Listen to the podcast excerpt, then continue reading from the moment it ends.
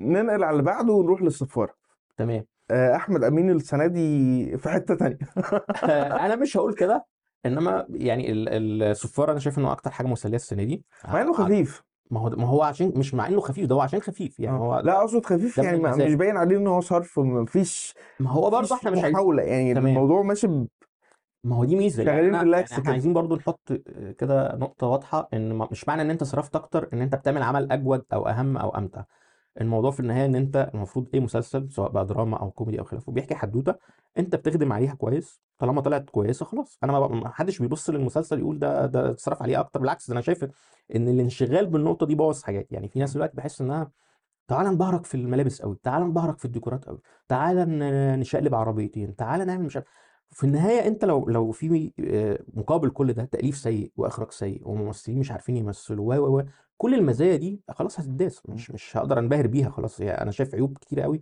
موجودة تبوظ الدنيا. إنما في المقابل ممكن تبقى حاجة simple جدا الصفاره مثلا آه، أنا ما أعرفش ال- القيم الإنتاجية كام يعني إنما هتفق معاك إن هو أكيد مش مش من أعلى الإنتاجات في السنة يعني أو من إن هو مش متكلف آه، ثروات زي غيره.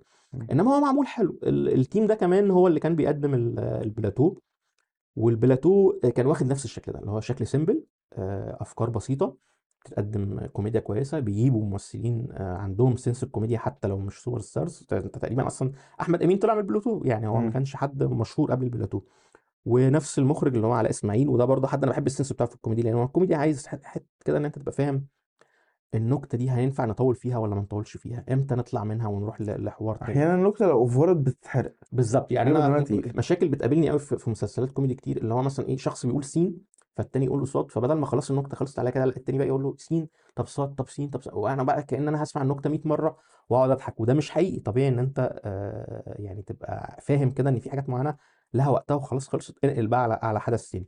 ده جاي يمكن من المط والتطويل إن أنت حابب إن أنت تعمل بقى حلقات كتير وتملى آه، ساعة أو فبيحصل الحتة دي إن إحنا بدل ما ما هن- هنقعد مثلا 10 ثواني في حاجة لا إحنا نقعد دقيقة أو اتنين فيها.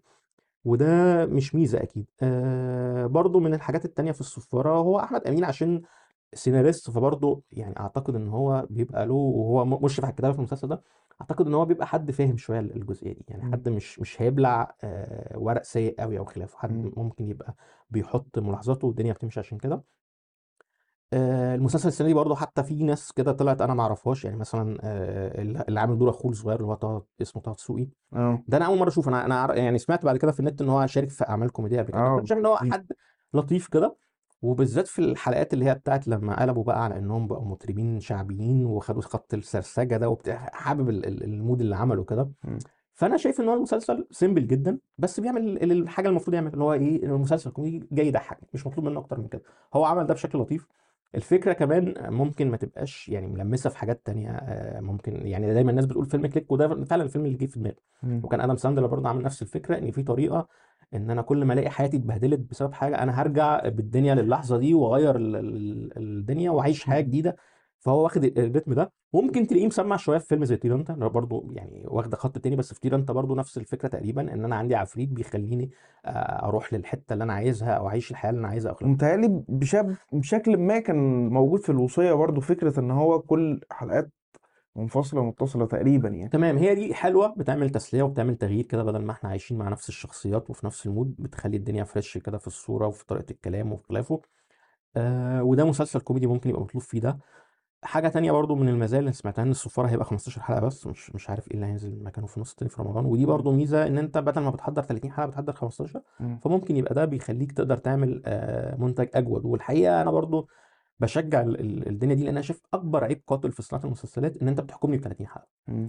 فأنا بضطر أعمل بقى مط وتطويل وبضطر أحشي شخصيات ملهاش لازمة وبضطر كمان بما إن إحنا يعني عندنا عيوب انتاجات تخلي ال- ال- الموضوع مش إن إحنا مثلا بنبدأ نشتغل قبل رمضان بسنة أو ب... لأ إحنا بنبدأ نكربس مم. الدنيا كلها في متهيألي في مسلسلات تجاوزت ده السنة دي. ده يعني بعضهم لا بس لسه يعني ال- العيب ده شبه رئيسي. وهو يعني أنا مش عايز أروح بقى ممكن نعمل بودكاست تاني عن عن يعني ليه صناعة المسلسلات بت بت مخيشة معانا أو بتجيب نتائج سيئة. إنما في المجمل خلينا نقول إن 30 حلقة دي سجن كده آه، بيخلي الدنيا تتكروت وتبقى مش أحسن حاجة.